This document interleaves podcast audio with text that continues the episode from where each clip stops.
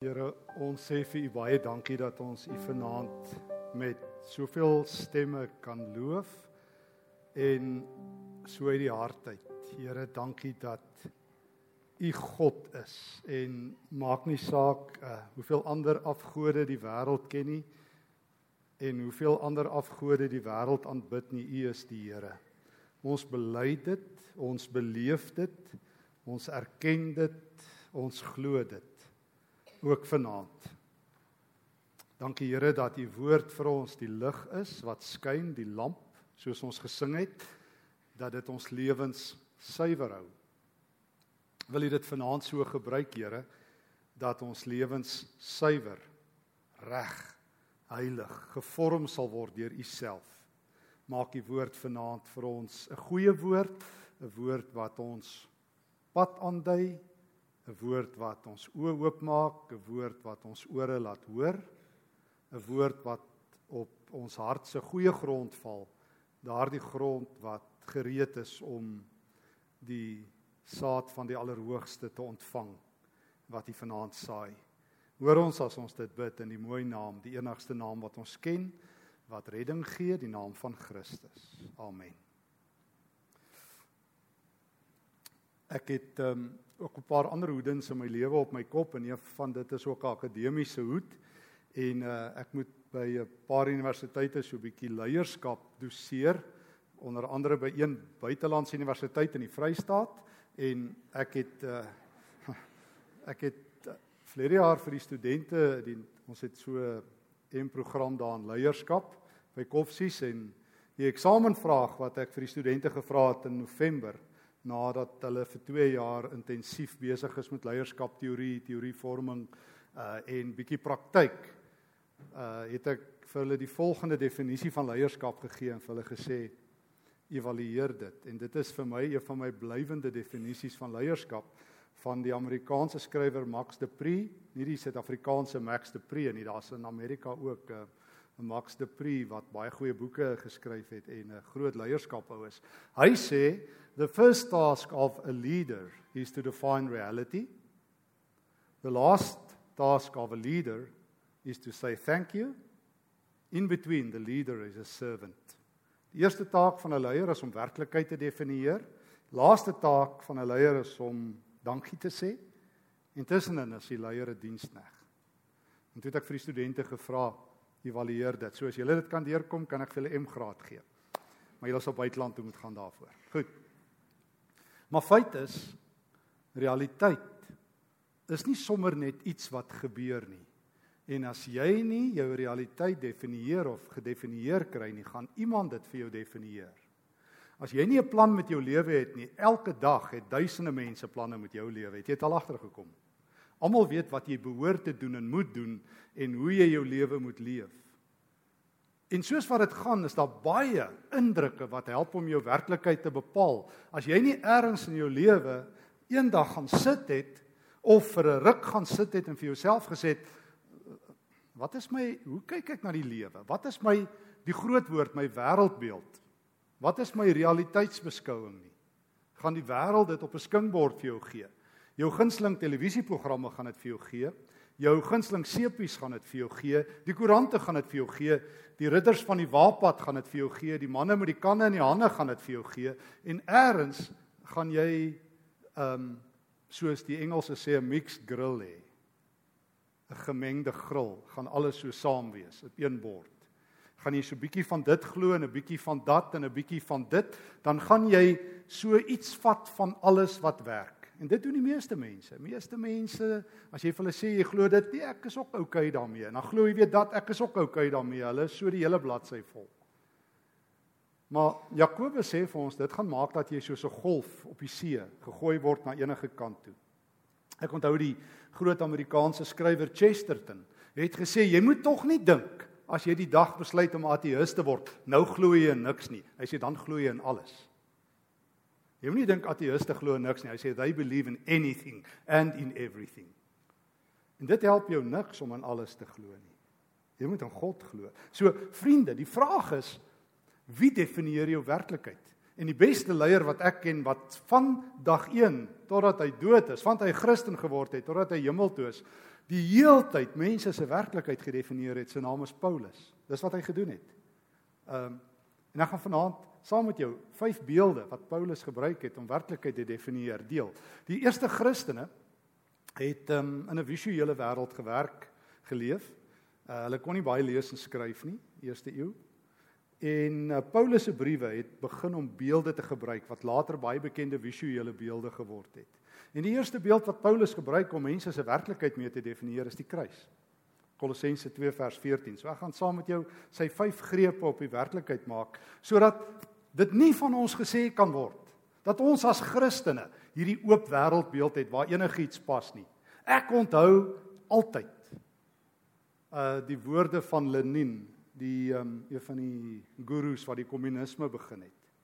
Hy het gesê as jy die wêreld wil oorneem, begin by Christene, verkoop vir hulle enigiets, sit 'n Christelike sousie en twee Bybelverse by en hulle sal dit sluk. Um ek het amper gedink dit het nou gebeur in 'n groot land eers waar 'n nuwe oom die leier word, maar ek gaan nie daarna toe gaan nie ehm um, dat jy vir Christene enigiets kan verkoop. Jy moet net een keer in jou lewe 'n Bybelteksie aanhaal, dan sal hulle vir jou almal stem. Maar maar die vraag is, is dit verantwoordelik? So hoe lyk 'n Christen se werklikheid? Hoe kyk jy na die lewe op so 'n manier dat as jy 'n keuse moet maak, dan weet jy wat jou keuse. Dan doen jy nie wat die ouens nou in Suid-Afrika maak nie. Almal maak mos so.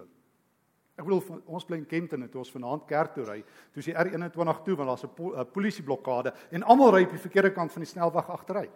En ons kan nie op die snelweg kom nie want waar ons moet opry, ry almal af. En ons dink en almal is kwaad vir ons dat ons aan die ander kant toe wil ry want hulle ry aan die ander kant toe. En toe dink ek myself vir 'n oomblik, sal ons probeer, toe dink ek dan gaan ek glad nie by die kerk uitkom nie. So, toe moet ons nou maar ompad ry. Maar dit het my net weer laat besef As jy nie weet waarvoor jy staan nie, gaan jy vir enigiets staan en vir enigiets val. Vir enigiets val en weet jy op wie gaan die grap wees op jouself.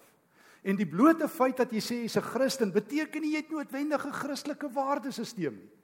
Want George Barna het navorsing gedoen. Hy sê Christene glo min of meer enigiets.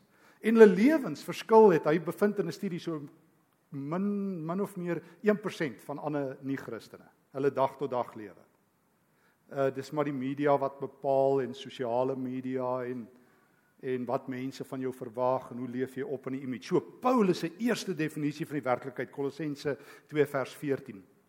Hy sê um, kom ek lees maar vers 13. Hy sê julle was dood omdat julle gesondig het en deurdat julle sondige natuur nog nie weggeneem was nie. God het julle egter saam met Christus lewend gemaak deurdat hy al ons sondes vergeef het. Hy het die skuldbewys met sy eise teen ons tot niet te gemaak. Deur dit aan die kruis te spyker, het hy dit vir goed weggeneem. Die kruis staan agter my. Dis die eerste groot ding wat Paulus oor en oor vir Christene leef. Leer. So as Paulus aankom in 'n dorp en mense word Christen, dan is die eerste ding wat hy vir hulle leer, jou lewe word van nou af deur die kruis gedefinieer. As jy besluit wat se werk doen jy, dan kyk jy deur die kruis van Christus. As jy besluit wie is jou vriende, as jy besluit wat eet jy, as jy besluit wat se televisie kyk jy, kyk jy deur die kruis van Christus. Hy is jou Here. Daarom het Paulus vir almal gesê wat wil weet, ek is saam met Christus gekruisig. Ja, Galasiërs 2, Romeine 6, hierso in Kolossense 2. Ek is saam met Christus gekruisig. Die kruis definieer my. Dit wat Jesus gedoen het om homself te gee. Agter my staan 'n kruis. Die kruis definieer my lewe. Ek is saam met Christus gekruisig.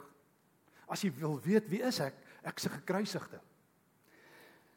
Ek onthou in die Tweede Wêreldoorlog het dit rof gegaan. Ek onthou um, van 'n sendeling wat vertel het net na die Tweede Wêreldoorlog baie mense, miljoene mense het hulle geloof verloor. Hulle sê waar's God?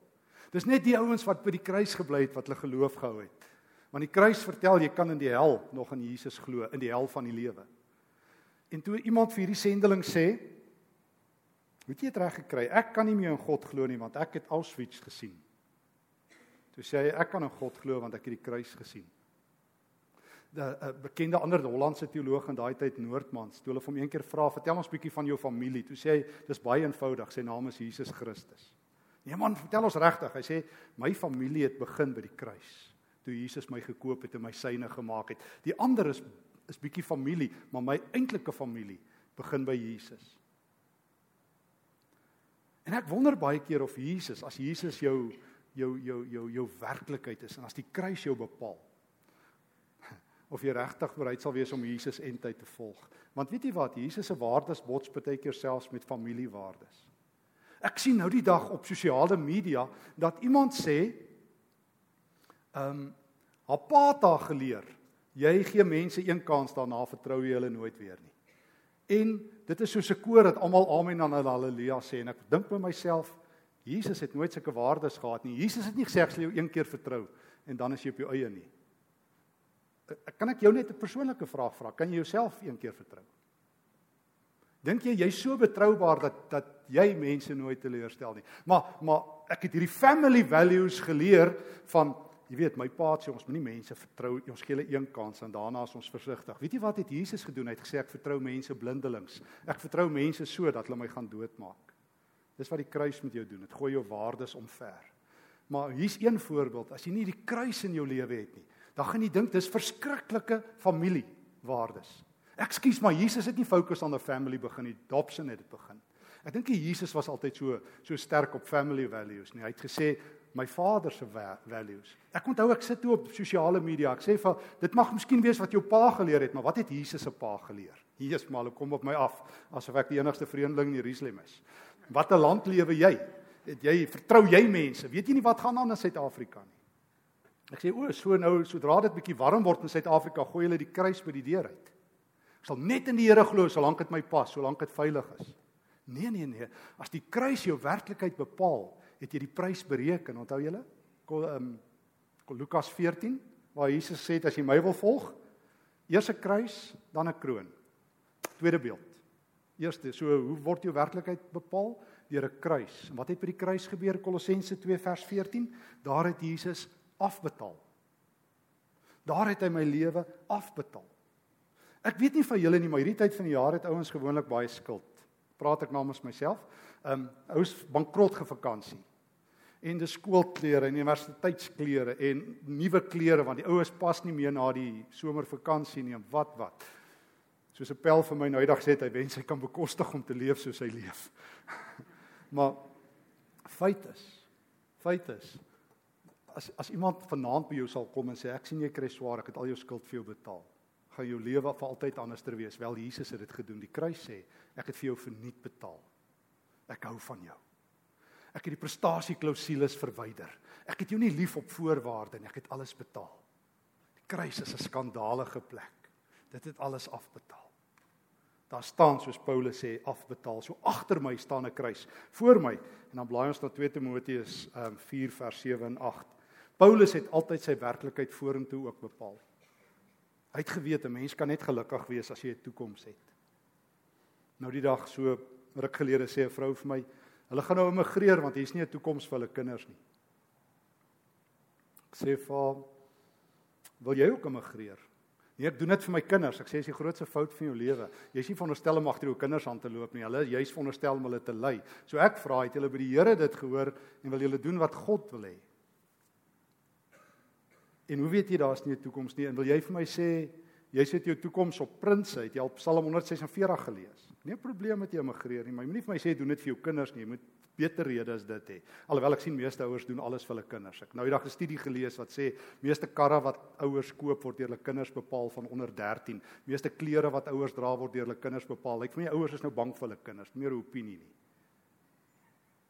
Ehm um, Daai ouers wil hulle kind. Nou eendag het ek vir 'n klomp mense gesê, moet asseblief nie jou kinders se vriend op Facebook wees nie. Jy's nie hulle vriend nie, jy's hulle ma en hulle pa. Ehm um, so so moenie moenie so aanvriend jou ouers as hulle daar is. Ja, so. Hulle is hulle is veronderstel sê hulle wees my pa en wees my ma. Ja. Goed. Maar maar die een ding wat ek vir daai vrou gesê het, wat ek vir myself sê, mevrou, jy praat so oor die toekoms. Het jy al ooit het jy al ooit vir God gaan vra wat is die toekoms? En ek het nie 'n pyn, hoor mooi. Ek werk by 'n Hollandse universiteit in Australië. Ek het nie 'n pyn wat ouens oor see bly nie, maar ek moet waaragtig weet dit pas in my wêreldbeeld en in God se wêreldbeeld in. Want as ek nou weer daar kom, dan gaan ek weer ongelukkig wees soos ek sien net met klomp ouens in Nieu-Seeland. Dan gaan hulle nou weer Australië toe. Dan werk dit daar nie, want dan kom hulle agter daar's ook maar mense wat moeilik is. Soos 'n ou eendag in Auckland vir my gesê het, Nieu-Seeland sou 'n wonderlike plek gewees het as dit nie vir Nieu-Seelanders was nie. Ehm um, Maar Paulus weet van die toekoms. Hy het sy toekoms duidelik gedefinieer gehad. So sy lewe was eenvoudig. Paulus het nie gesukkel met die lewe nie. Hy hy hy maak die lewe eenvoudig. As jy nie 'n vaste wêreldbeeld het nie, as jy hier en daar en deur, jy's soos 'n hierdie ouens wat veerpyltjies gooi. Jy gooi vir elke nommer. En jy kyk of jy 'n trip 6 en 'n dubbel 7 kan gooi. Maar as jy weet Christus se kruis is my lewe en voor my is daar 'n volgende beeld, 'n kroon. Kruis en 'n kroon. 2 Timoteus 4 vers 7. Hy sê ek het die goeie wedloop afgelê. Ek het die wenstreep bereik. Ek het gelowig en tyd volgehou. Nou wag die oorwinnaarskroon vir my, die lewe by God. Op die dag dat hy weer dat hy weer kom, sal die Here die regverdige regter dit vir my gee. En nie net vir my nie, maar vir almal wat met verlange uitsien na sy koms. Agter my 'n kruis, voor my 'n kroon. Dis my toekoms. Vriende, en jy glo dit of waaragtig met jou hele lewe of jy glo dit nie. Jy glo of wat Paulus in 1 Korintiërs 15 sê. Jesus het opgestaan uit die dood. En as hy nie opgestaan het uit die dood nie, is die grap op ons. Maar my toekoms is in die Here se hande. Ek is veilig by die Here, ek het 'n toekoms. Ek het dit al vertel en ekskuus as ek dit weer herhaal, maar ek was so 'n klompie jare gelede in 'n motorkaping en die ouens wou my doodskiet. Ek het daar op my knieë gestaan en ek onthou, dalk het van julle dit ook al ervaar as 'n ja, ek weet van julle het al. Ehm um, as daai 9 mm so oorgehaal word en die ou druk hom teen jou nek en hy en hy sê nou gaan ek skiet en ek het gedink wat ek kan sê want ek het ehm um, nog so sin gehad. En ek het geweet dit sal nie vir my help om sê jy gaan nou 'n professor in teologie skiet nie want dan sou hy gesê ag gat jy dat ons van hulle ontslaa raak van die bulle. Nie so nee, goed, nee, dat ek nie soontoe gaan nie. Goed. Ehm um, Maar ek onthou ek het met die Here gepraat en sê Here, kom huis toe. Wag vir my by die deure. My geloof het daar sin gemaak toe hulle my wou doodskiet. Het ek geweet ek het 'n toekoms. Want eers in die simpel Joubertjie se lewe het God vir hom gewys, jou verlede is deur Jesus bepaal, maar jou toekoms is uitgesorteer. Want want nie net het Jesus my verlede verniet reggemaak nie, maar hy het vir my verniet 'n toekoms. En is duur. Ek sit vandag sit ons saam met mense en eet en hulle vertel ook um, van huise en huispryse. Dis duur, nê, om 'n nuwe huis te koop. En en jy wil graag in die toekoms dalk 'n beter huis hê, maar die beste huis is wat Jesus vir ons gebou het. Hy sê in Luke in Johannes 14, ek gaan vir julle plek berei. En as die plek klaar is, kom haal ek julle. Dan gaan ons 'n fees hou. En, en is verniet. Jy hoef nie te betaal nie, ek het klaar betaal. Jy hoef nie die bouers uit te sorteer nie, ek het klaar die bouwerk uitgesorteer. Jy hoef nie aan te bou nie, ek het klaar aangebou. Dis my huis, ek nooi jou. Dis groot, dis reg. Dis waarvoor ek um, gesterf het sodat jy 'n kruis agter jou het en voor jou 'n kroon. 'n Kroon. So as jy jou die heeltyd blind kyk teen die toekoms van hierdie wêreld, wil ek nou vir jou sê vanaand gaan jy moedeloos wees. Want eendag gaan dit nou weer goed lyk in die wêreld en die volgende dag dan skiet hulle weer ergens 'n klomp mense dood en sê hoog waar gaan alles heen? Maar as jy weet Christus is jou toekoms, kan jy op enige plek lewe. Want jou hoop is op hom wat jou toekoms vir jou gemaak het. Paulus skryf in 2 Korintiërs 4 vers 7: Om hierdie rede word ek nie moedeloos nie, al is ek uiterlik besig om te vergaan, innerlik word ek van dag tot dag vernuwe. Want hy sê want in vers 17 en 18 want my oog is nie op die sigbare gerig nie, maar op die onsigbare. Ek het 'n kroon wat wag. So duidelik agter my 'n kruis, duidelik voor my 'n kroon. Onder my, terwyl ons hier by 2 Timoteus is. Kom ons kyk gou daarin 2 Timoteus 2 vers 19. Onder my 'n fondament, 'n fondament. Van bouwerk weet ek niks, maar ek weet een ding. 'n Huis met 'n fondament hê.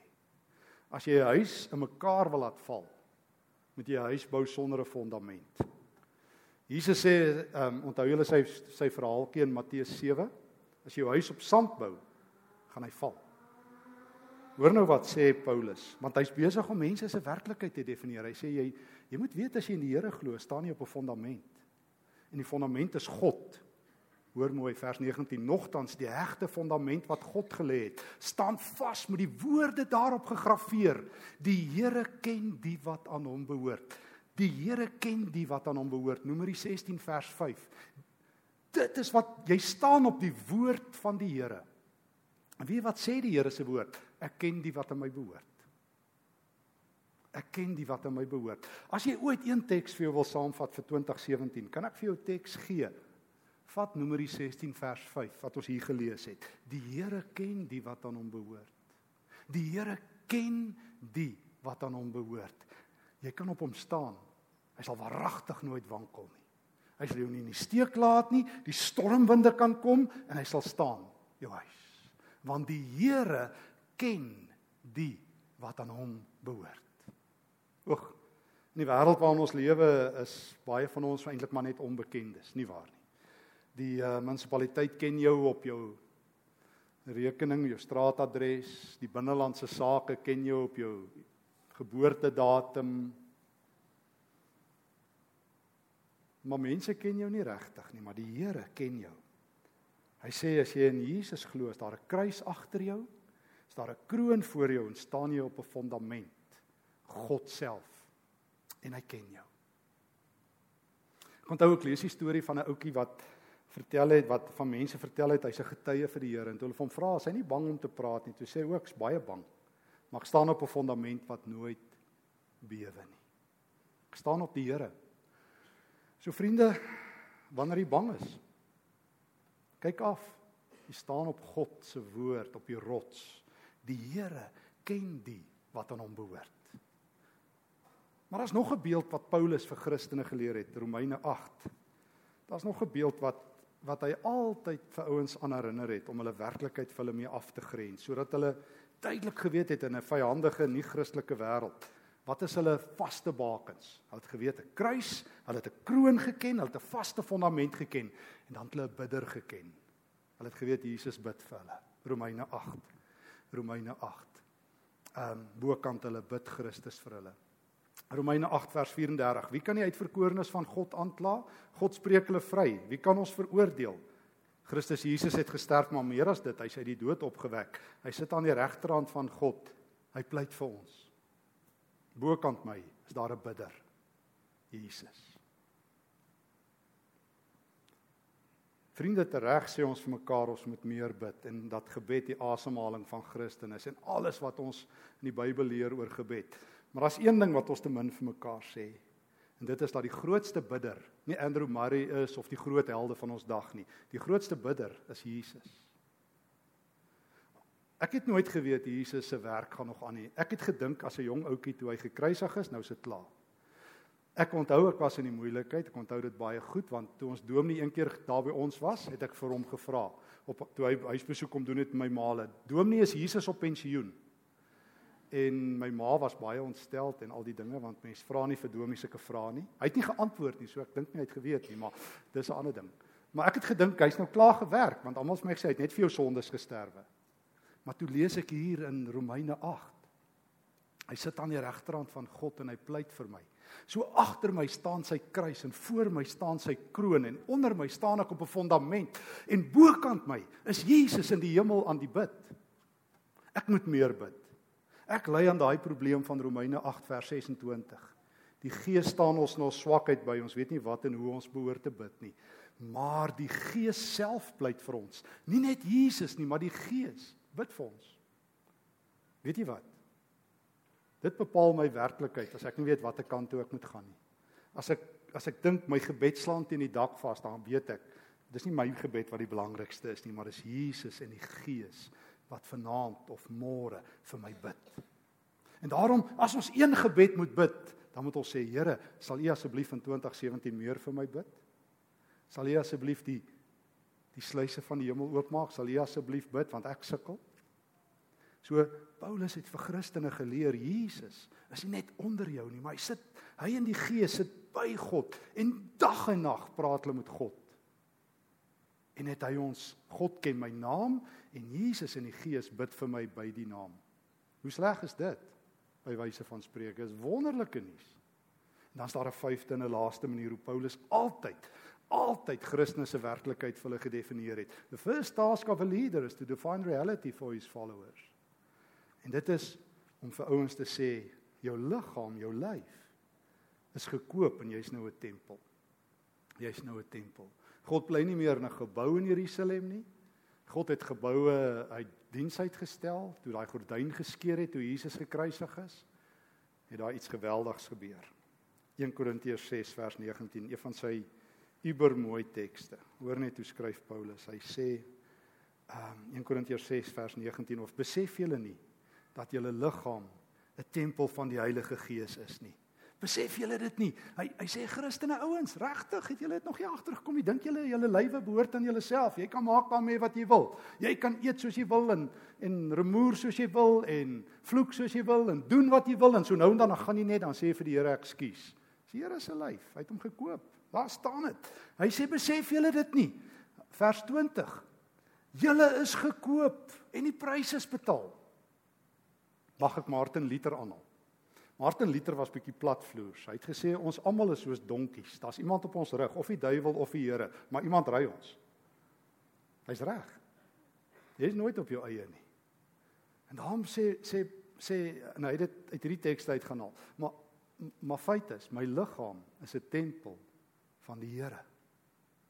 My liggaam is 'n tempel van die Here. En dit bepaal wat ek met my lyf doen.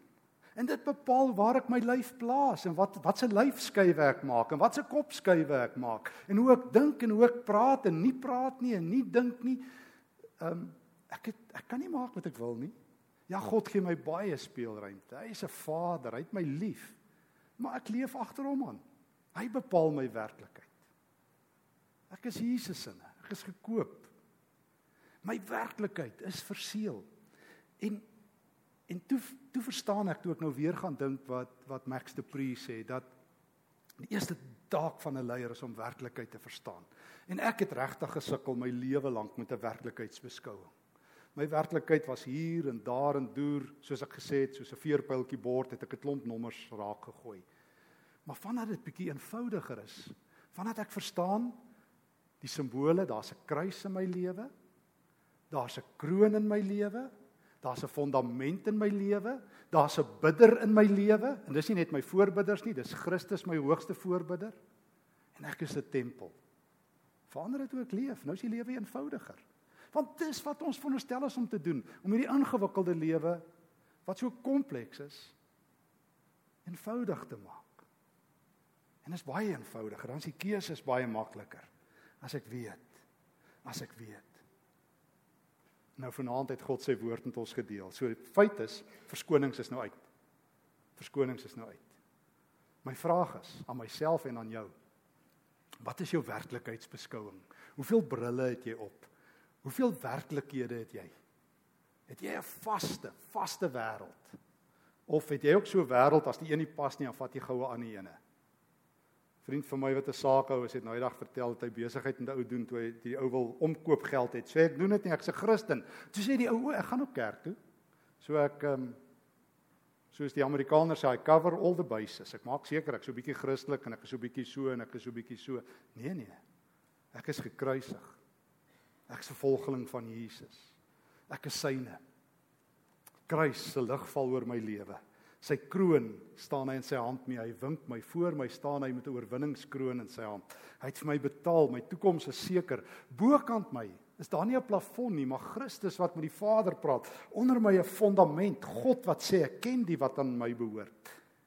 En in my die Heilige Gees. Sal dit nie wonderlik wees? As ek koers vat in 2017, die Here se koers nie. En as ek praat en as ek dink saam met Paulus alles doen tot eer van die Here nie. Hoor die woord van die Here. Amen. Here baie dankie dat u woord duidelik is. Dat ons nie hoef te sukkel nie, dat ons nie hoef uh onverstaanbare dinge te probeer ontgin nie, dat u nie in onverstaanbare klanke met ons praat nie, dat u wil so duidelik is soos 'n kruis, die kruis van Jesus dat u wil so duidelik is soos 'n kroon, 'n oorwinningskroon vir elkeen wat in u glo. Dat u pad so duidelik is soos 'n fondament, u is die rots onder my, ek is nooit in dryfsand nie. En bokant my is u besig om te bid sodat ek getrou sal bly met al my foute. En binne in my is u besig om my te verander in 'n tempel. Hier sê ek, Here, vorm my soos u wil. Leer my om van jaar die werklikheid deur u te kyk en nie dat die werklikheid deur ander stemme bepaal word nie. Hoor my in die naam van Jesus. Amen.